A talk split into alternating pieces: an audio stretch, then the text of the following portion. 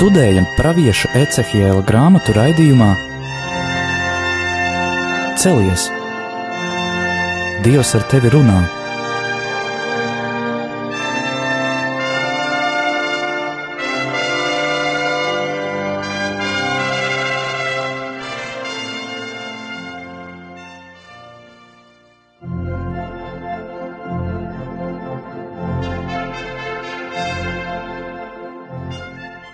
Augšām cēlies studijā Stela, jo Anģela šodien nevar būt, un jau labs laiks ir pagājis kopš pēdējā raidījuma, un arī sezona lēnām tuvojas noslēgumam, bet mēs vēl esam tikuši līdz tādai kā mazajai pusītei Ecihila grāmatā, Un nāksies mums klausīties, ko Dievs runā ar viņa muti, vēl arī kaut nākamās sezonas sākumā, bet Dievam pieder laiks un visa mūžība, un tāpēc arī nesteigsimies skriešus cauri Ecihela vārdiem, jo ieklausoties un ieskatoties viņa vārdos, var teikt, tas ir viens no tādiem lielākajiem un varenākajiem vecās derības praviešiem.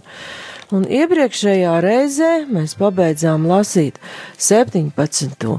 nodaļu un redzējām, ka līdzībā par diviem ērgļiem Ecihils ir parādījis caur to savas tautas vēsturi, kādi notikumi tai ir gaidāmi, un šīs nodaļas beigās mēs varējām pat saskatīt jau Kristus dibinātās baznīcas pirmtēlu. Ka Izrēla augstākajā kalnā es to dēstīšu, saka kungs, šo maigo zariņu, šo mazo atlikumu, lai tas izrieš zarus un nes augļus un top par jo krāšņu ciedru koku, kura zaros dzīvos un vīs savas līgzdas visdažādāko spalvu, putni, un kā mēs redzam arī baznīcā mums var arī prātā uzreiz parādīties jau īstais vīna koks, tātad gan ciedrs, gan vīna koks, kā liels koks, kura zaros, uh, ir visdažādākie putni, ja baznīcā mēs redzam visdažādākās ciltis, tautas un valodas, visdažādākos cilvēkus. Bet šodien jau mēs skatīsimies, ko pravietis grib pateikt Ecihela grāmatas 18. nodaļā.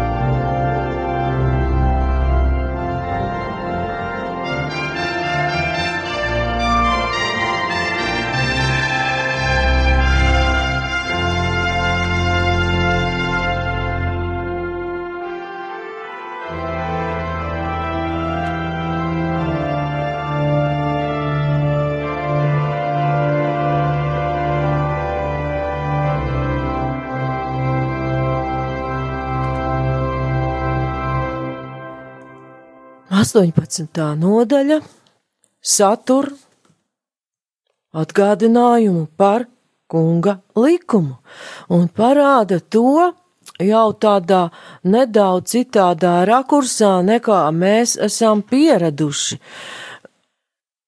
Vecajā derībā pārsvarā tiek runāts par cilvēku kolektīvu atbildību. Varam arī lasīt kā ir noticis ar izradzēto tautu, piemēram, skaitļu grāmatas 16. nodaļā no 30. līdz 35. pantam. Tur ir skarbi un grūti vārdi lasāmi. Notikusi ir Korahas sacelšanās, tātad daļa cil, eh, izredzētās tautas cilvēku ir sacēlušies pret kungu, nepaklausa viņam,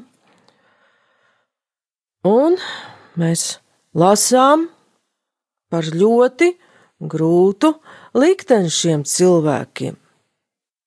Tātad lasām 4. mūzes, jeb skaitļu grāmata, 16. nodaļa no 30. līdz 35. pantam. Diezgan garš lasījums, bet tomēr. Bet, ja tas kungs, ko jaunu rādīs, ko viņš vēl līdz šim nav rādījis, un zeme atvērs savu muti, un tā to saprīs līdz ar visu, kas tiem pieder, ka tie dzīvi nogrims tellē, tikai tad ar šo jūs atzīsiet, ka šie vīri ir to kungu nicinājuši.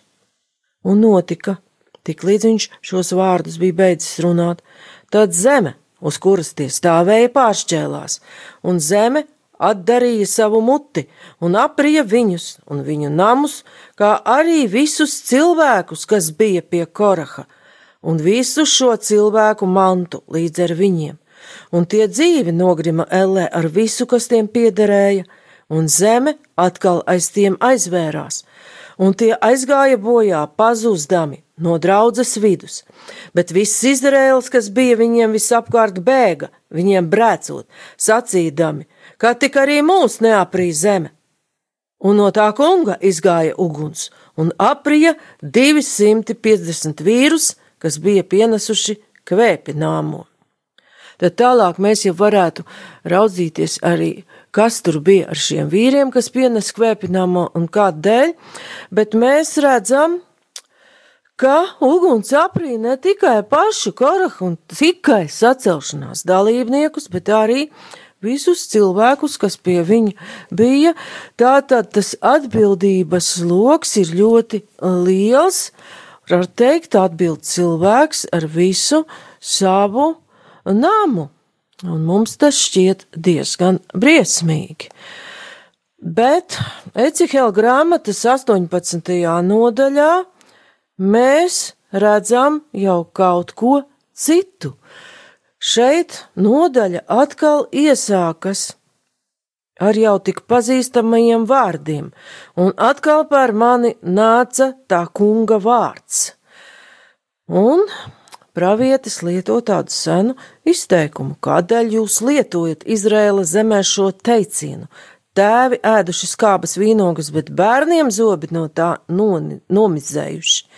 Tik tiešām, ka es dzīvoju, saka Dievs tas kungs, jums turpmāk nebūs lietot šo teicienu. Un, ja būtu Anģela, viņa mums atgādinātu tulkojumu krievu valodā, ka tur mēs lasām, ka kunga vārds ir tieši klāt Ecihēlam, un te caur šo izteikumu ir atgādināts tāds ļoti eh, sens kunga vārds no izceļošanas grāmatas, kā ir tie tēvu grēki, piemeklējums bērniem, kad ir pie bērniem šis piemeklējums par tēvu grēkiem. Nu, ja mēs palasīsim izceļošanas grāmatas 20. nodaļu un 5. pantu, jā, tur mēs lasām tādu brīdinājumu. Kungs saka tautai, un arī mums, nezemojies to priekšā, runa par elkiem, un nekalpo tiem, jo es, tas kungs, tavs dievs, esmu dusmīgs dievs, kas tēvu grēkus pie bērniem piemeklē līdz trešam un ceturtam augumam tiem, kas mani ienīst. Un dara žēlastību līdz tūkstošajam augumam tiem, kas mani mīl un tur manus baušļus. Tad atkal tev jau būtu klupšanas akmens dusmīgs dievs, jo mums tas asociējas ar kaut ko citu, bet krievu valodā ir bogrevņīceļ, ka dievs ir greizsirdīgs, kā vīrs par sievu, kas paklīst. Dievs ir greizsirdīgs, ja cilvēks nepilda viņa pavēles un pats iet nāvē, vai arī rada šo postu sev un saviem pēctečiem. Un, iekams mēs ļoti akcentējam šo tēvu grēku piemeklējumu pie bērniem, varam ievērot. Trešais, ceturtais augums, bet žēlastība ir līdz tūkstošajam augumam, var teikt, šis skaitlis jau apzīmē bezgalību, kad, tā, kad dieva žēlastība ir bezgalīga, tā tad pilnīgi jau pārklāja šo pirmo teikumu, un varētu likties, kāpēc tas tur ir palicis. Bet arī mūsdienās mēs redzam, ka tēvu nostāja, tēvu un arī māšu nostāja var ietekmēt tik tiešām bērnu dzīvi vairākās paudzēs, jo mūs veido arī audzināšana, kā tiekam audzināti, kādas vērtības ģimene mums iedod tātad bērniem, bērnu bērniem. Ja tēvi un mātes nav mācījuši viņus godāt kungu, šis ticības ceļš un atgriešanās ceļš pie dieva var būt ļoti grūts. Bet Ecihela grāmatā mēs jau lasīsim vārdus, kas nozīmē katra cilvēka atbildību par savu lēmumu un rīcību. Un tieši tāpēc arī tur ir šie vārdi, ka tā turpmāk nebūs lietot šo izteicienu, kas ļoti spilgti atgādina to fragment, ko es nolasīju, šo kolektīvo atbildību.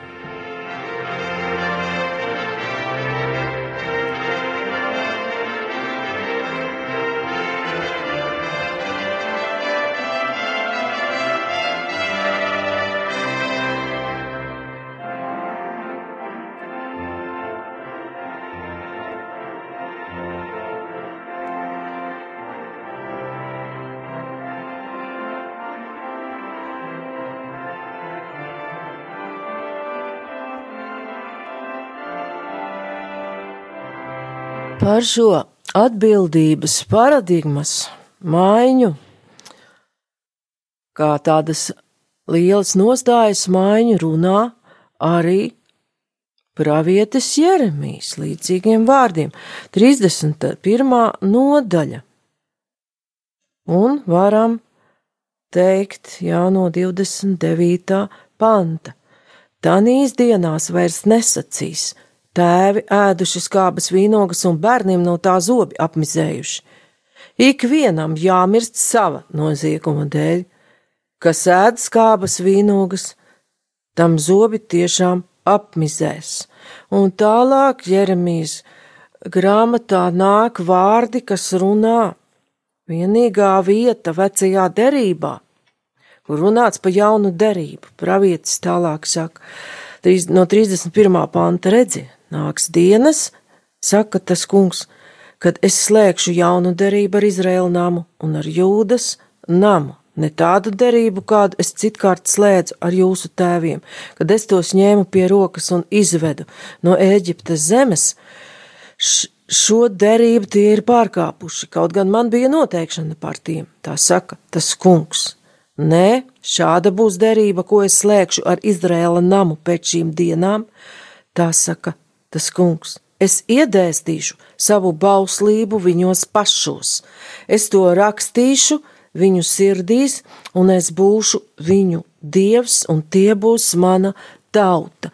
Tātad jau Jeremijs runā par šo cilvēka katra individuālu atbildību, jo likums ir ierakstīts katra cilvēka sirdī. Tas vairs nav kaut kas tāls, bauslības grāmatās tikai iekalts, tas nav burts, bet tas jau ir ierakstīts sirdīs.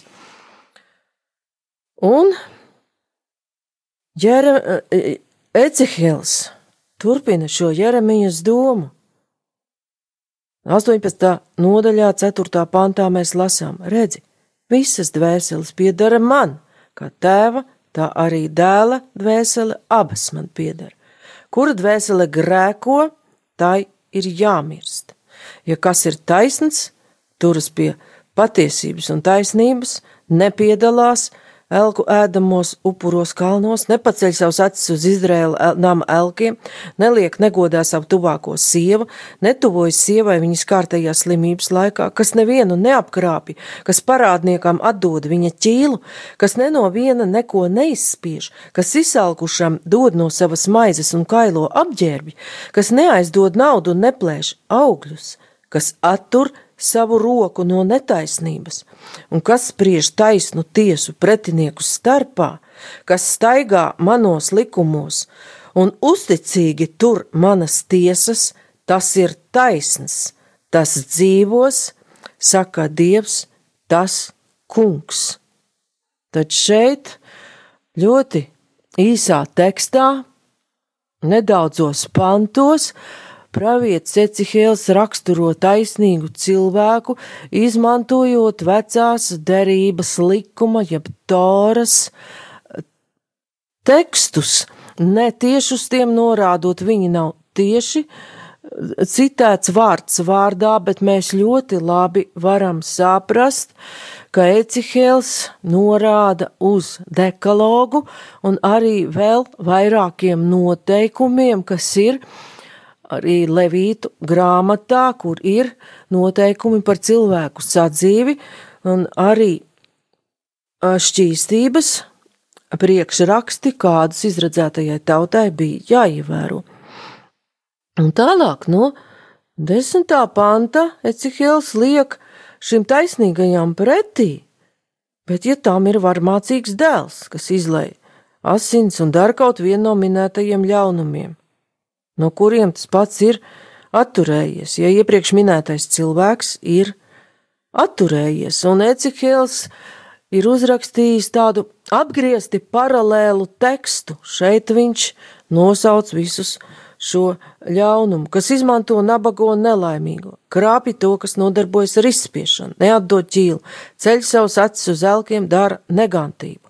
Vai tad tāds cilvēks, lai dzīvotu? Nē, tam nebūs dzīvot tādēļ, ka viņš darīs visu šīs negantības. Tam jāmirst, viņa asinis, lai nāk par viņu. Un mēs izlasām, ka tieši par cilvēku, kas ir darījis šos grēkus. Un tālāk atkal Ecihēls risina šo tādu kā paudžu stāstu, bet ja tam ir dēls, kas redz visus tēva grēkus, bet bīstas un nedara tā, un atkal šī, seko šis uzskaitījums, kādus grēkus tad šis cilvēks nedara. Un 17. pāns jau atkal atkārto iepriekš nolasīto savu roku, tas satur no netaisnības, neaizdod naudu un neplēš augļus, tas staigā manos likumos un tur manas tiesas. Un tagad ausis turam vaļā, ko tālāk pravietis Ecihils saka – Tam nav jāmirst par sava tēva netaisnību un apgrēcību, tam būs dzīvot. Tātad ar šiem vairāk kārtējiem atkārtojumiem pravietis Ecihēls mūsu prātā ļoti stingri ieliek šo domu par cilvēka katra paša atbildību par savu rīcību, saviem lēmumiem un rīcība jau ir lēmuma sekas. Lēmums vispirms dzimst sirdī, jo, kā es daudzreiz esmu jau atkārtojis, atkārtotā likuma grāmatas vārdus, ka Dievs pārbauda, lai redzētu, kas ir cilvēka sirdī. Un tam lēmumam sirdī par vai pret Dievu jau sekotie darbi.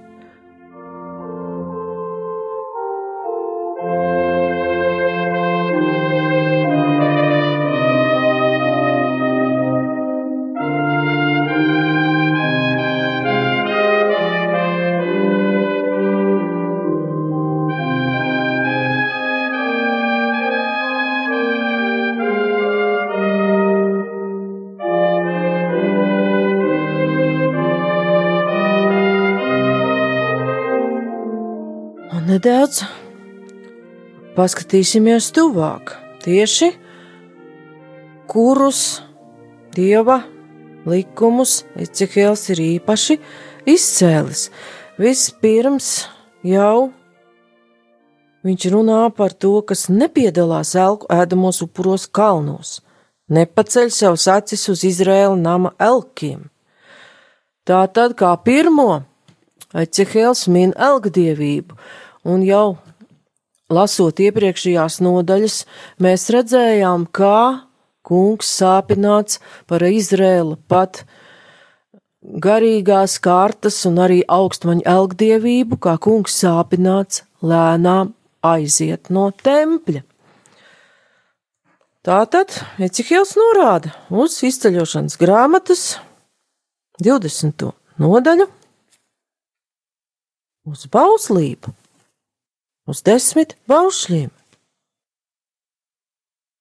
kur stāv rakstīts 20. nodaļa no 3. panta.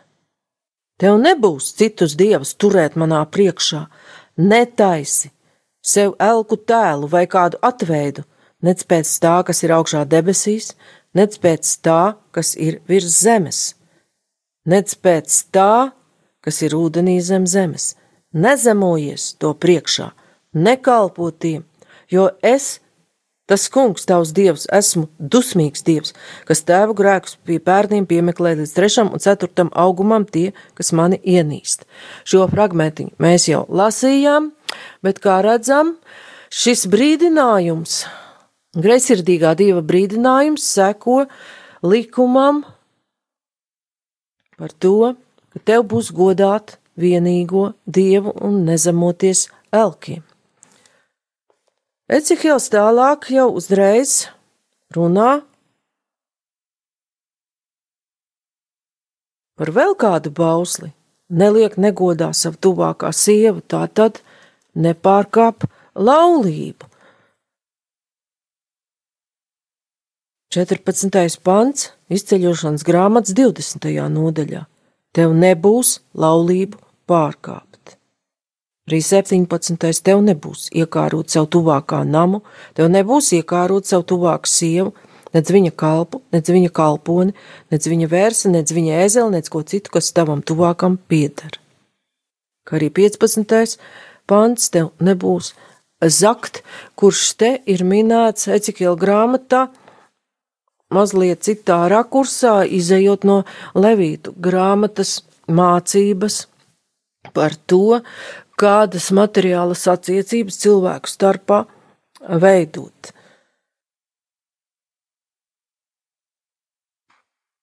Te ir minēts arī tāds it kā neiederīgs pants, nestuvojas sievai viņas kārtējās slimības laikā, varētu šķist, kāpēc Dievs noņemas jau kaut kādu tur cilvēku fizioloģiju, bet ņemot vērā, ka tajā laikā cilvēkiem nebija tādas eh, medicīnas zināšanas, kādas mums šobrīd ir, mēs varam pat abrīnot un būt pārsteigti par to, cik ļoti Dievs pazīdams savas radības ir ielicis arī šajās likumos, visu, kas ir nepieciešams, lai cilvēks, šai gadījumā sieviete, varētu būt vesela un pasargāta. Tātad Ecihils to min, lai norādītu uz to, ka Dievs ne tikai prasa atdot viņam šo cieņu un godu novērsties no elkiem, ne tikai nepārkāpt laulību, bet būt arī uzmanīgam un rūpīgam pret savu sievu, kur Dievs ir cilvēkam devis. Tālāk ir minēts tas nevienu neapkrāpīja, kas parādniekam atdod viņa ķīlu, kas ne no viena neko neizspiež, kas izsalkušam dod no savas maizes un kailu apģēbi.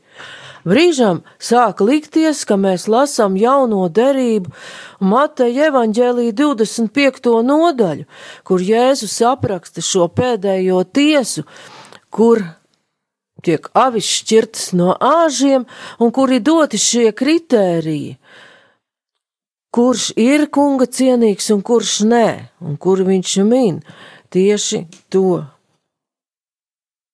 Kailā apģērbšanu, trūcīgā pabarošanu, un tā kā atkārtošana ir zināšana māte, mēs nedaudz tomēr palasīsim šo Mateja evaņģēlī.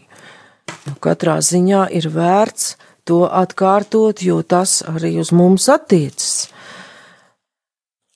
Tā tad Mateja evaņģēlīja 25. nodaļa. Jēzus saka 25. nodaļā no 34. panta. Tad ķēniņš sacīs tiem, kas pa labo roku: Nāciet šurp, jūs mana tēva svētītie, iemantojiet valstību, kas jums ir sataisīta no pasaules iesākuma. Jo es biju izsalcis, un jūs esat mani paēdinājuši. Es biju izslāpis, un jūs esat mani dzirdinājuši. Es biju svešinieks, un jūs esat mani uzņēmuši. Es biju pliks, un jūs esat mani apģērbuši. Es biju slims, un jūs esat mani apmeklējuši. Es biju cietumā, un jūs esat nākuši pie manis. Tad taisnie atbildēs viņam un sacīs: Kungs, kad mēs esam tevi redzējuši izsalkušu un tevi paēdinājuši, vai izslāpuši un tevi dzirdinājuši, kad mēs esam tevi redzējuši kā svešinieku un tevi uzņēmuši, vai pliku un tevi apģērbuši, kad mēs esam tevi redzējuši slimu vai cietumā un nākuši pie tevis, tad ķēniņš tiem atbildēs un sacīs: Patiesi es jums saku, ko jūs esat darījuši vienam no šiem maniem vismazākajiem brāļiem, to jūs esat man darījuši. Tad šeit Mateja evaņģēlijas ļoti izvērsti raksturo šo taisnīgo, kuru, kura vaipstus jau mums iezīmē pravietis Ecihēls ar savu tekstu. Dod no savas maizes, kas kailo apģēbi, un interesants ir arī šis Astotais pants, kas neaizdod naudu un neplēš augļus. Mums taču tā naudas aizdošana uz augļiem ir ļoti pierasta, un var teikt, ka ir visas rietumu pasaules ekonomikas pamatā, kurā ir šie cikliskie uzplūdi, atplūdi un krīzes, un mēs brīnamies, kāpēc nevaram un nevaram tā īsti stabili un labi nostāties uz kājām. Jo izrādās, ka vecās derības likums Levītu grāmatā, tā tad Tora, Izraēļa tautas pamatlikums, jo Izraēļa tautai interesanti ir arī tas, ka šis likums ietvēra gan reliģisko, gan sadzīves, gan arī krimināla likuma. Ja jū, mēs, mums būs pacietība lasīt visu šīs likuma grāmatas, mēs redzēsim, ka Torā ir atrunāti arī dažāda veida tādi nodarījumi, kaitējums tuvākajam, kā arī atrunāts un norādīts, kā veidot šīs tirdznieciskās un mantiskās attiecības, un ko tad mēs varam Levītu grāmatā, jeb trešajā mūzus grāmatā lasīt par augļošanu, jeb aizdošanu uz procentiem. Levīta 19, 34, 35. Pat varam sākt lasīt no 19. nodaļas 11. panta. Jums nebūs zakt un nebūs melot, nec krāpt savu tuvāku. Jums nebūs nepatiesi zvērēt pie mana vārda, ka tu neapgāni savu dievu vārdu. Tev nebūs pievilkt savu tuvāku un nebūs viņu aplaupīt. Tava algāģa algai nebūs pie tevis palikt pa nakti līdz rītam. Vēl ir daudzi un dažādi noteikumi, un tas, ko es minēju, vairāk attiecas uz kādu citu norādījumi, kas jaunā derībā ir jau paskaidrots ļoti pilnīgi. Lai svešinieks, kas jūsu vidū piemīt, jums būtu kā viens no jūsu piedzimtajiem, tev būs, viņam būs mīlēt kā sevi pašu, jo jūs esat bijuši svešinieki Ēģiptes zemē. Es esmu tas kungs, jūsu dievs. Nedariet tiesā, netaisnību, nedz ar olekti, nedz ar svaru, nedz ar tilpumu mēru. Jums būs turēt taisnu svaru, atsvari lai pareizi, arī taisnas labības un šķidrumu mērus, es esmu tas kungs jūsu dievs, kas jūs izvedis no Ēģiptes zemes. Tātad šeit mēs lasām, kāpēc pravietis Ecihēls runā par to, ka jātur rokas no netaisnības, kas nevienu neapkrāpja, tātad šeit Levīta grāmatā ir tieši runāts par to, ka jābūt taisnam, svaram un mēram, un ļoti labi zinām jau arī no situācijām mūsdienās, ka tas ne katreiz tā ir, ka dažkārt prece ir ar dažādām metodēm arī padarīta gan smagāka, gan lielāka. Un vēl, nobeidzot šīs dienas pārdomas, kā tad tur ir īsti ar tiem procentiem? Par tiem mēs varam lasīt izceļošanas grāmatas 22. nodaļa no 24. panta. Ja tu aizdod naudu kādam, kas ir no manas tautas, un kas pie tevis ir nabaks, tad nekļūsti kā tāds rāvējs un neņem no tā sev augļus. Ja tu ņem sava tuvāka drēbes par ķīlu, tad atdod viņam tās pirms saule norietējusi, jo tas ir viņa vienīgais apsekts, viņa apģērbs, tā nī viņš būtu gulējis. Un kad viņš brēks uz mani, tad es to paklausīšu jo es esmu žēlsirdīgs. Tad šeit mēs izceļošanas grāmatā lasām ļoti skaidru aizliegumu ņemt procentus kādam no manas tautas. Bet nākamajā reizē mēs nedaudz vēl šai tēmai pieskarsimies izvērstāk, kā to saprast mūsdienās, jo ir vēl kāds paralēls teksts, kurš jau šo aizliegumu attiecina uz visiem cilvēkiem, kuri saņem kādu aizdevumu.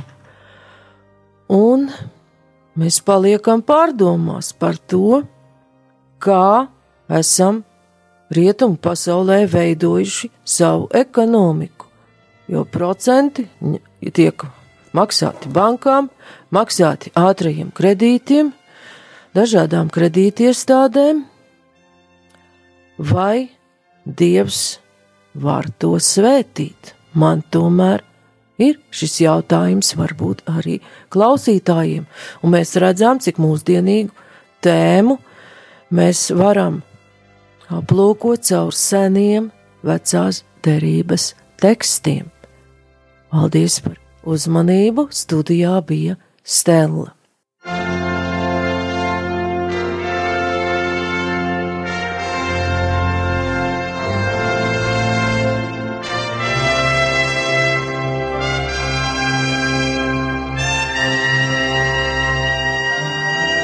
izskanēja raidījums Celies! Dievs ar tevi runā!